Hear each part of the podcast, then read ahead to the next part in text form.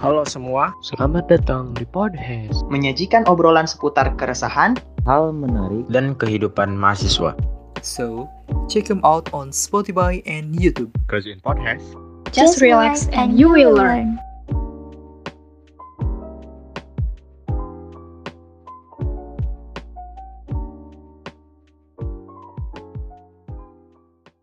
Assalamualaikum warahmatullahi wabarakatuh. Halo, apa kabar Teh? Waalaikumsalam warahmatullahi wabarakatuh. Alhamdulillah kabar baik. Perkenalkan, nama aku Adinda Sapira dari bidang PI HMJ Muamalah. Aku sebagai host di acara podcast HMJ Muamalah kali ini. Dan narasumber podcast kali ini ada Teh Suharyati yang akan membahas tema mengenai tips and trik menjadi mahasiswa. Mungkin tema kali ini dihususkan untuk mahasiswa baru nih yang belum ngerasain gimana sih kuliah offline itu. Yang nantinya pasti Teh Suhar bakal kasih apa aja sih tips and triknya. Tapi sebelum memulai pembahasan, kita perkenalan dulu sama Teh Suharyati. Boleh Teh langsung aja perkenalan dulu. Ya, terima kasih banyak. Perkenalkan, nama saya Suharyati dari jurusan tentunya muamalah ya, hukum ekonomi syariah. Alhamdulillah sekarang menginjak semester atas. Udah itu aja sih. Saya asalnya dari Indramayu. Mungkin ada teman-teman yang dari Indramayu gitu. Berarti kita satu daerah. Berarti langsung aja ke pembahasan nih. Eh, pertama-tama kalau misalkan kita mau mulai suatu kegiatan atau lainnya nih Teh, kan pasti ada persiapannya, termasuk persiapan untuk kuliah. Nah, aku mau nanya nih ke Teh Suharyati, kalau menurut Teteh, apa aja sih yang harus dipersiapkan untuk berkuliah? Oke, Bismillahirrahmanirrahim. Mungkin aja ya kepada teman-teman mungkin mahasiswa baru jurusan hukum ekonomi syariah muamalah karena saya sendiri pun ya masih banyak belajar ya tentang yang namanya mahasiswa. Mungkin apa yang harus dipersiapkan sebagai mahasiswa? Yang pasti pertama itu kita harus mempersiapkan uh, kesiapan mental kita dulu gitu. Pastinya kan ketika kita menjadi mahasiswa, hal yang baru akan terjadi, banyak adaptasi baru, lingkungan baru yang terjadi di sekitar kita. Bukan saja uh, mata kuliah yang tadinya pelajaran menjadi mata kuliah, tapi juga kan yang namanya guru menjadi dosen. Tentu itu pun akan menjadi suatu hal yang baru gitu bagi yang namanya mahasiswa. Makanya itu yang harus dipersiapkan.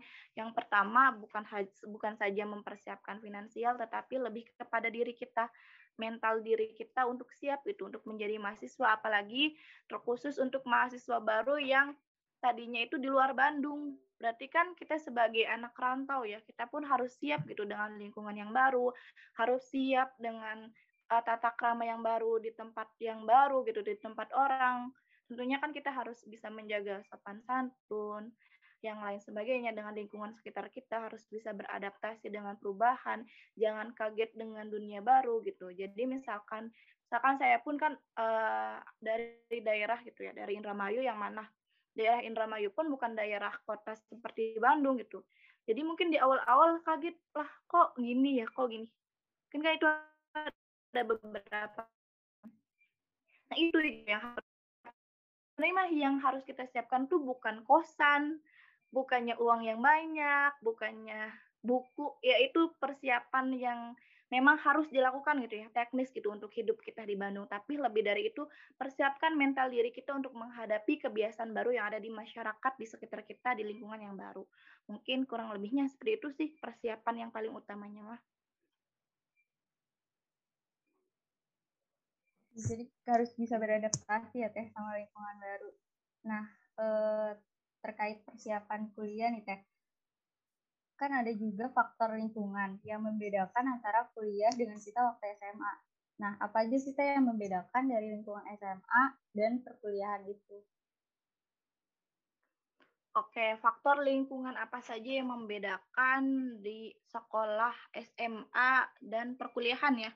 Karena saya pun berangkat dari anak SMA ya, bukan anak pesantren gitu. Mungkin beda ya kehidupan anak pesantren dengan anak SMA karena saya sendiri berangkat dari anak SMA, saya akan cerita bagaimana perubahan dari anak SMA ke perkuliahan.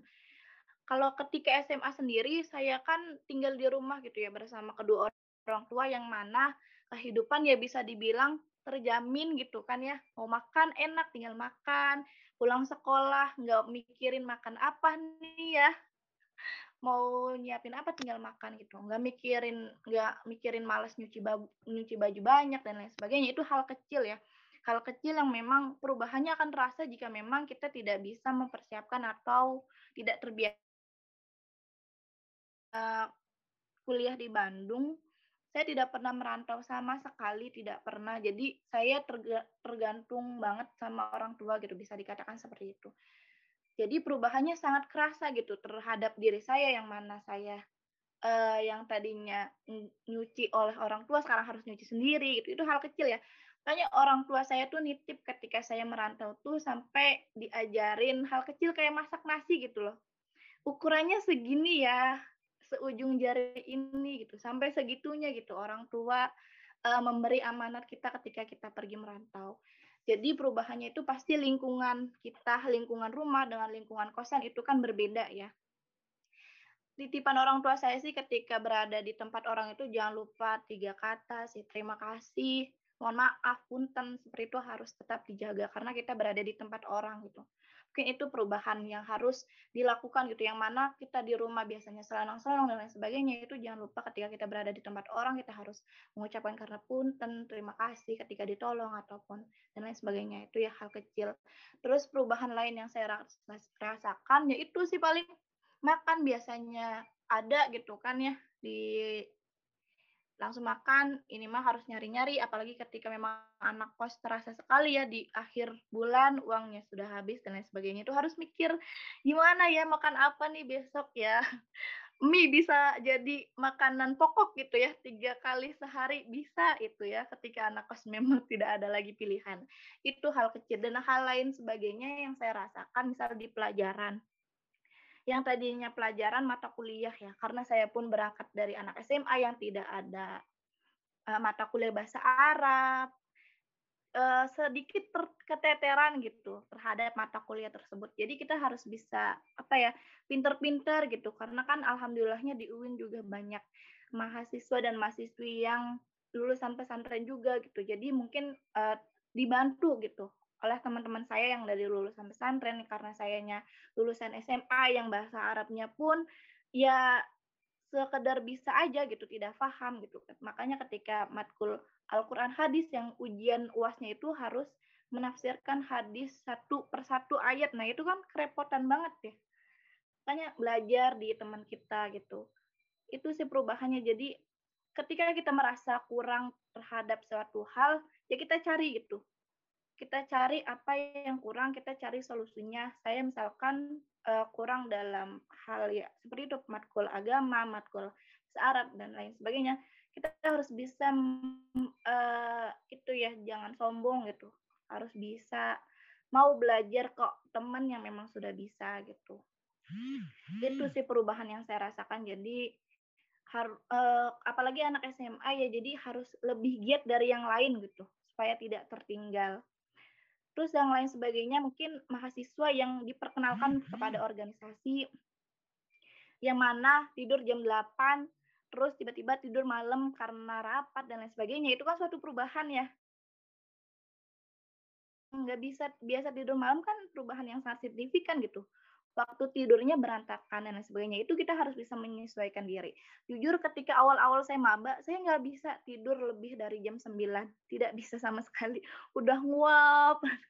Tapi karena uh, tuntutan ya karena ikut organisasi gitu kan ikut rapat dan lain sebagainya ketika misalkan ada acara yang memang misalkan muskom atau dan lain sebagainya itu kan diwajibkan kayaknya harus melek seharian gitu ya. Nah itu lama-lama akan terbiasa gitu. Itu sih perubahan-perubahannya seperti yang tadinya malu-malu mungkin dari SMA karena belum mengenal banyak orang. Ketika perkuliahan kan mengenal banyak orang dengan masing-masing karakter yang berbeda-beda. Yang tadinya mungkin di SMA udah satu sifat aja nih.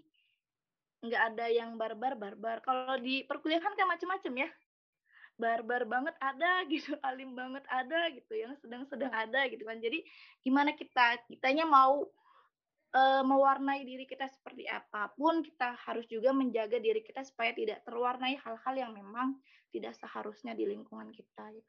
Itu sih mungkin perubahan-perubahannya yang saya rasakan. Iya, jadi uh, kita tuh harus bisa beradaptasi, terus membiasakan diri juga ya Teh, karena kan pasti beda banget, apalagi kalau misalkan anak rumahan yang sebelumnya tuh nggak nggak pernah ngerantau, itu pasti kerasa banget perbedaannya, dan itu harus bisa ngebiasain diri kita sama lingkungan baru.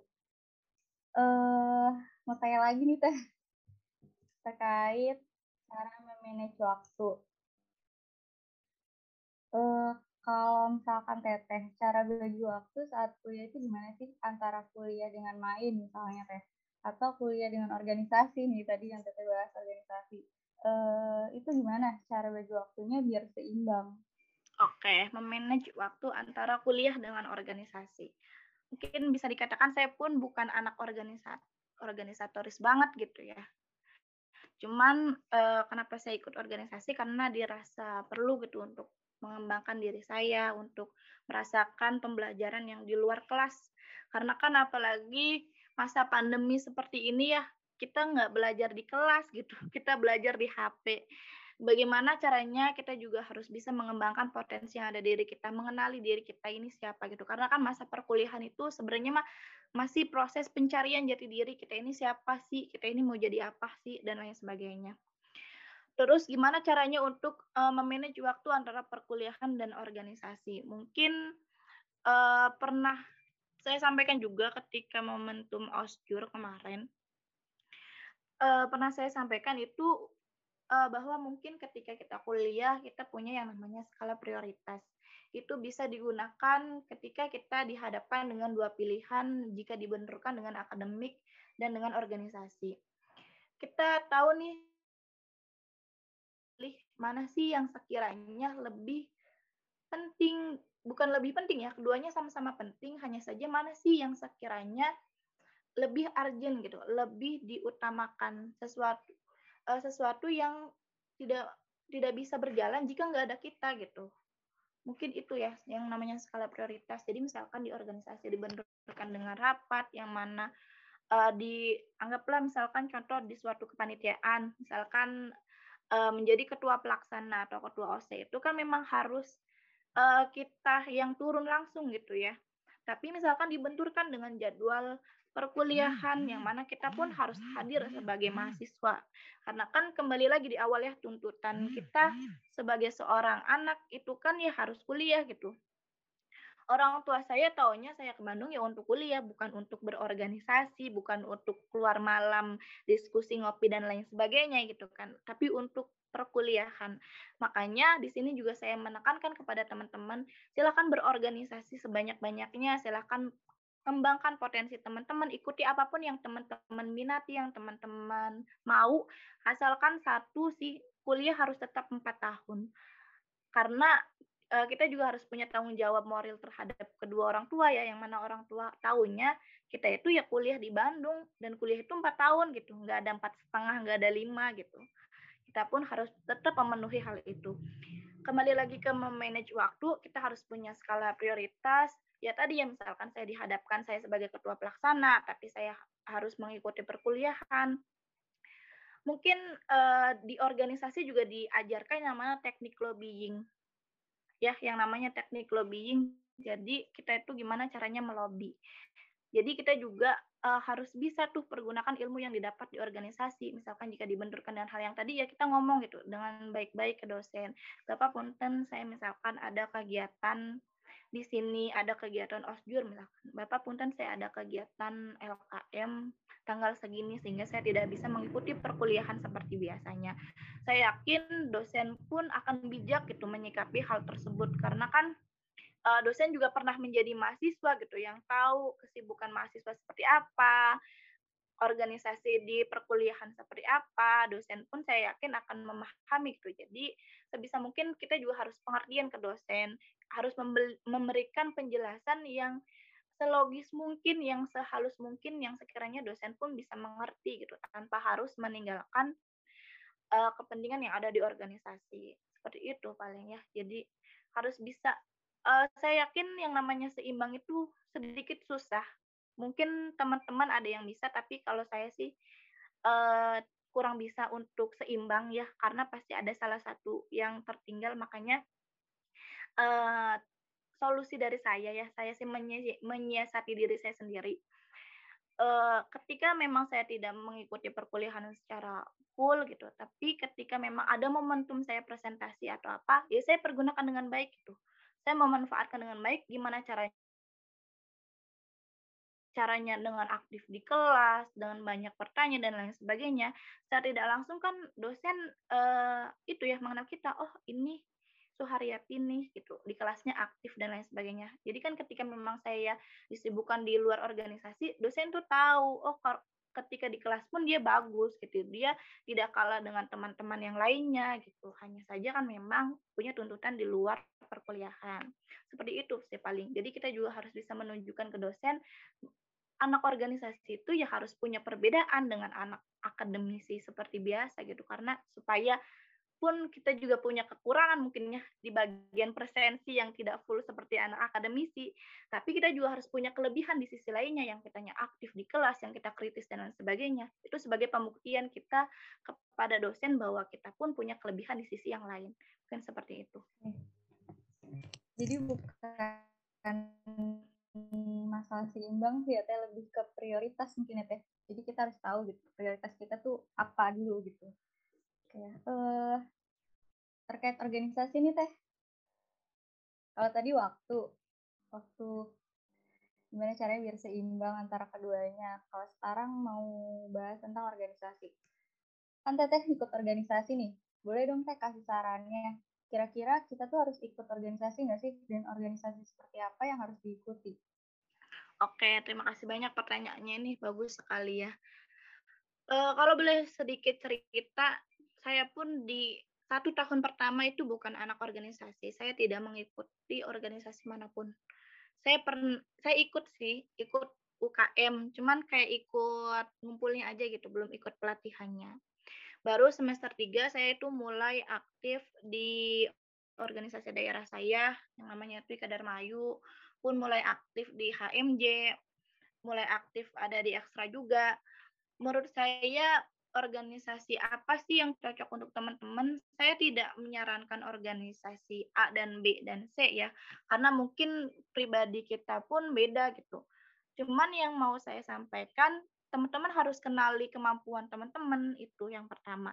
Teman-teman harus tahu minat dan bakat teman-teman. Mungkin jika teman-teman bingung saya mau apa nih, setidaknya teman-teman harus tahu dulu teman-teman sukanya apa nih. Gitu kan, misalkan suka badminton ya masuklah itu UKM yang memang bisa menunjang kesukaan teman-teman. Ada perbama kan di UIN Bandung.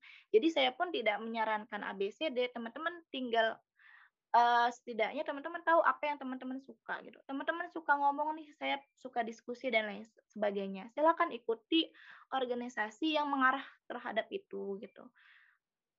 Uh, misalkan organisasi ekstra apa pun ya ekstranya berbicara ekstra banyak di UIN Bandung apa pun itu silahkan gitu. Teman-teman ikuti teman-teman coba. Jangan takut untuk mencoba karena uh, tidak ada organisasi yang buruk. Semua organisasi itu baik. Teman-teman hanya saja akhirnya yang beda-beda, penafsirannya yang berbeda-beda pun dengan tujuannya mungkin yang berbeda-beda ya. Tapi semua organisasi itu pasti mengajarkan hal yang positif terhadap teman-teman, yang mana teman-teman akan berani ngomong di depan umum itu hal yang kecil ya akan kritis dan lain sebagainya. Seperti itu. Jadi pasti akan ada perbedaan gitu antara anak organisasi dengan yang bukan organisasi. Itu pasti akan terlihat perbedaannya.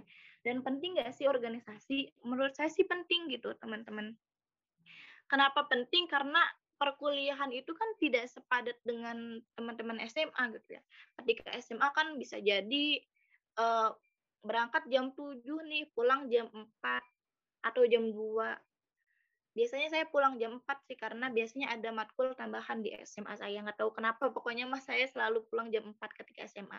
Ketika saya kuliah, saya juga lumayan kaget. Kok baru dua jam keluar gitu ya, masuk lagi. Itu kan banyak waktu kosong gitu ya di perkuliahan. Mana Sabtu Minggu juga libur gitu. Jadi banyak waktu luang yang bisa manfaat yang teman-teman manfaatkan untuk belajar di luar di organisasi. Itu pentingnya gitu. Jadi supaya teman-teman pun tidak banyak nganggurnya gitu. Maksudnya ya mungkin untuk teman-teman yang akademisi mungkin ketika pulang ke ke kosan itu belajar dan lain sebagainya. Cuman karena saya tahu diri saya tidak akan belajar juga gitu di kosan, jadi ya udah gitu saya larinya ke organisasi, saya carinya di organisasi. Yang mana kan kalau di organisasi itu ada yang namanya tuntutan gitu. Yang mana tuntutan itu ya mau nggak mau kan kita harus laksanakan beda dengan kita belajar individu di kosan. Kalau kita males ya udah kita nggak belajar gitu. Tapi di organisasi kan misalkan ada tuntut ada gitu tuntutan untuk membaca buku A dan lain sebagainya. Jika ada forum-forum diskusi, misalkan menjadi pemateri atau pemantik dan lain sebagainya, itu kan mau tidak mau kita harus baca buku dulu kan. Biarpun terpaksa karena hal tersebut, cuman kan lama-lama akan menjadi kebiasaan, akan terbiasa dan akhirnya akan bisa gitu. Jadi pentingnya sih di situ itu. Jadi organisasi itu penting buat saya juga membuat saya lebih disiplin, membuat saya lebih tidak berleha-leha gitu karena padatnya jadwal. Jadi kan saya ngatur nih, oh jam segini saya harus udah beres nih tugas karena nanti malam saya mau ada rapat. Jam segini saya harus udah beres nih hal ini gitu karena saya akan mau dilanjut ke hal yang lain gitu akan ada diskusi misalkan dan lain sebagainya. Jadi menurut saya sih penting sekali sih untuk mengembangkan diri kita. Cuman saya menyarankan ke teman-teman terserah mau ngikut organisasi apa saja. Tapi nitip saya sih ikutilah organisasi sebanyak mungkin. Tapi teman-teman juga harus fokus jangan sampai organisasi banyak, tapi cuma ikut pengenalan awalnya saja gitu. Terus ke sana ke sananya nggak males. Pokoknya mah jangan sampai hanya ikut-ikutan teman, jangan sampai terbawa orang juga. Kita juga harus punya pendirian kita nih harus ikut apa ya sukanya apa ya dan satu sih harus punya enggak nih teman-teman mahasiswa baru dirancang difikirkan dari sekarang tujuan teman-teman nih ikut organisasi apa ya. Karena kalau saya boleh sharing sedikit kalau tujuan teman-teman hanya mencari pengalaman mencari teman ilmu baru itu bonus ya. Itu mungkin bonus saja buat teman-teman secara tidak langsung teman-teman pun ya pasti ketika ikut organisasi akan punya banyak teman baru akan punya ilmu baru, tapi teman-teman harus punya tujuan supaya teman-teman fokus dan terus semangat gitu untuk mencapai tujuan itu. Seperti itu paling. Jadi kalau ikut organisasi, kita tuh harus tahu dulu ya kemampuan kita tuh lebih ke condongnya ke mana gitu. Dan juga kalau udah ikut organisasi, teman-teman harus tanggung jawab gitu. Jangan cuma numpang nama doang. Tuh. Eh, uh, ya. Karena kan banyak ya teh, cuma tuh semangat di awal tapi dia nggak punya tujuan jadi kesannya nggak tanggung jawab juga gitu. Nah kasarnya seperti itu. Uh, dari organisasi aku mau bahas ke perkuliahan lagi nih teh. Uh, kalau misalkan kuliah kadang suka ngerasa capek gitu teh. Ke jenuh kalau misalkan lagi ngerasain hal itu, biasanya teteh ngelakuin apa sih biar uh, semangat lagi gitu? Bisa semangat. Oke, ketika perkuliahan itu pasti akan ada masa kita jenuh sih, pasti. Uh, Ayunda kalau boleh tahu semester berapa? Oh iya, aku semester semester. Aku semester lima teh. Oh ya, semester lima. Nah, biasanya ketika perkuliahan offline, semester lima sih saya merasakan jenuhnya yang namanya kuliah tuh. Sudah mulai jenuh gitu. Dengan rutinitas uh, kuliah, pulang, organisasi pun itu juga bisa menjadi kejenuhan kita ya. Uh, caranya gimana sih mengatasi rasa jenuh? Kalau saya sendiri ya, balik lagi sih ke tadi mungkin mau sedikit nyinggung organisasi. Kita juga harus uh, nyari organisasi yang nyaman terhadap diri kita. Karena bisa jadi organisasi tersebut menjadi rumah kedua kita. Rumah kedua kita untuk melepas penat kita untuk melepas kejenuhan kita di perkuliahan. Itu sih yang saya lakukan.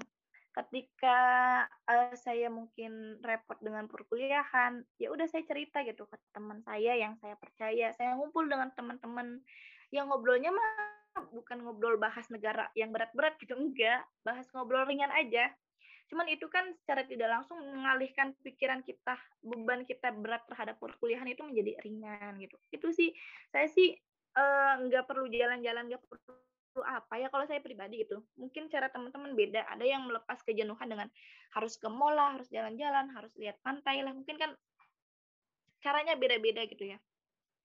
Kalau caranya saya sendiri sih ya cukup kumpul dengan orang banyak itu udah melepas pikiran saya sih beban saya gitu. Mungkin juga teman-teman yang baik kan kadang menawarkan mau dibantuin kan nih tugasnya. Nah, itu kan lebih meringankan lagi gitu kan ya. itu bisa jadi solusi gitu. Kalau saya sih gitu, cara saya sih melepas uh, kepenatan di perkuliahan tuh ya dengan ngumpul dengan teman, ngobrol, sharing, barangkali temennya ada yang baik gitu kan, ikut membantu juga mengerjakan tugas kita gitu seperti itu sih. Pun juga misalkan kita juga apa ya di organisasi capek gitu. Misal di organisasi juga ada capeknya gitu kan. Bosan nih kuliah lagi sibuk-sibuknya. Di organisasi ada masalah pasti itu kan mungkin teman-teman juga nanti akan merasakan gitu. Cuman gak apa-apa nikmati aja prosesnya. Ketika memang sudah terlewati kita akan tahu gitu rasanya bedanya diri kita ketika sebelum ada masalah itu setelah ada masalah itu akan berasa gitu. Gak apa-apa misalkan teman-teman butuh waktu sendiri nih misalkan karena banyaknya karena di kuliah ada masalah lari ke organisasi juga lagi ada masalah itu kan gak bisa lari ke mana-mana. Ya udah nggak apa-apa teman-teman cukup bersendiri aja gitu renungin masalah tersebut apa. Mau nangis di kosan nangis di apa saya pun sering gitu ya nangis sama temen nangis sendiri karena misalkan ada masalah capek dan lain sebagainya nggak apa-apa kita manusia wajar banyak ngeluh, banyak capek, hanya saja ingat ketika memang kita sudah mer sudah nangis, sudah itu kita bangkit pikir lagi gitu, positif lagi. Gimana caranya teman-teman terserah teman-teman, misalkan teman-teman mau muterin UIN sendirian, melepas lelah itu ya udah lakuin aja gitu senyamannya teman-teman, seenaknya teman-teman. Misalkan teman-teman masih punya mood booster dengan pasangan ya itu terserah teman-teman gitu nggak apa-apa. Itu cara teman-teman untuk melepaskan masalah. Misalkan saya dengan hubungin orang tua gitu cerita dan lain sebagainya itu kan bisa melepaskan masalah saya gitu. Seperti itu paling kalau dari saya mah. Jadi mungkin uh, buat mahasiswa yang suka nongkrong itu buat melepas kejenuhan mereka ya. Betul. Terakhir nih teh boleh menutup pesan untuk mahasiswa baru nih teh oke Pesan untuk mahasiswa baru angkatan 2021 terkhusus untuk uh, mahasiswa baru Hukum Ekonomi Syariah Muamalah. Sebelumnya saya ingin mengucapkan selamat datang di jurusan tercinta kita Hukum Ekonomi Syariah Muamalah. Kalian tidak sedang berada di jalan yang salah, kalian berada di jalan yang benar. Jangan takut, jangan merasa salah jurusan, tenang saja. Insya Allah menjadi orang sukses gitu ya. Dengan ikhtiar dan keyakinan uh, pesan saya sih semangat terus gitu teman-teman. Teman-teman ini adalah awal. Jangan hiraukan omongan-omongan bahwa teman-teman adalah angkatan COVID tidak sama sekali. Pun dengan saya, teman-teman jangan khawatir, saya pun angkatan COVID gitu ya karena meskipun saya sudah mengicipi perkuliahan secara offline, saya juga kan merasakan ya dampaknya dari COVID gitu. Tapi itu jangan menjadi alasan teman-teman untuk menjadi malas. Itu justru harus menjadi alasan untuk teman-teman menjadi uh, lebih semangat lagi, lebih inovatif dalam mengembangkan diri teman-teman. Gimana caranya saya harus tetap unggul, saya harus tetap bisa menjadi kebanggaan kedua orang tua, saya harus tetap bisa aktif di mana pun saya berada gitu, tanpa uh, tanpa apa ya tanpa mengurangi esensi yang ada karena perkuliahan atau kegiatan online gitu. Jadi teman-teman juga harus bangun uh, pikiran positif dulu di dalam diri teman-teman. Saya harus tetap semangat gitu. Saya kuliah itu ya harus tetap dijaga semangatnya harus tetap tujuan pertama kan membanggakan kedua orang tua ya. Saya yakin tujuan teman-teman yang utama untuk kuliah tuh membanggakan kedua orang tua gitu. Jadi ingat itu ingat itu terus teman-teman sampai akhir teman-teman ikuti kembangkan diri teman-teman. Harus semangat harus ikut organisasi juga. Tapi saya juga tidak kayak mewajibkan tidak gitu ya. Itu kembali lagi kepada teman-teman. Hanya saja mangga kembangkan potensi diri teman-teman. Karena di dunia perkuliahan itu momentum teman-teman bukan hanya momentum mencari mencari jodoh tapi juga momentum mencari jati diri teman-teman sendiri. Ya jadi harus semangat harus menjadi mahasiswa yang uh, ada adaptif gitu di lingkungan yang baru. Pokoknya mah mabah maba maba jurusan muamalah mah hebat hebat gitulah semangat pokoknya mah. Nah nggak ada kata-kata mutiara sih karena bukan orang bijak juga bukan Mario Teguh ya. Intinya mah semangat insya Allah kalian berada di jalan yang benar gitu terima kasih Pak Wah, dari pemaparan tes ini pastinya banyak banget pelajaran yang bisa diambil. Sebelumnya makasih banyak teh udah mau sharing sama kita semua seputar pengalaman teteh. Ya sama-sama. Terima kasih juga kepada Ayunda. Kembali kasih. Uh, buat teman-teman, tetap terus semangat kuliahnya walaupun masih online. Mungkin untuk podcast kali ini dicukupkan sampai segini dulu. Jangan lupa terus dengerin podcast, because in podcast just relax and you will learn. Saya pamit undur diri. Dicukupkan ya, Teh? Boleh, ya. Assalamualaikum warahmatullahi wabarakatuh. Waalaikumsalam warahmatullahi wabarakatuh. Terima kasih banyak teman-teman yang sudah mendengarkan.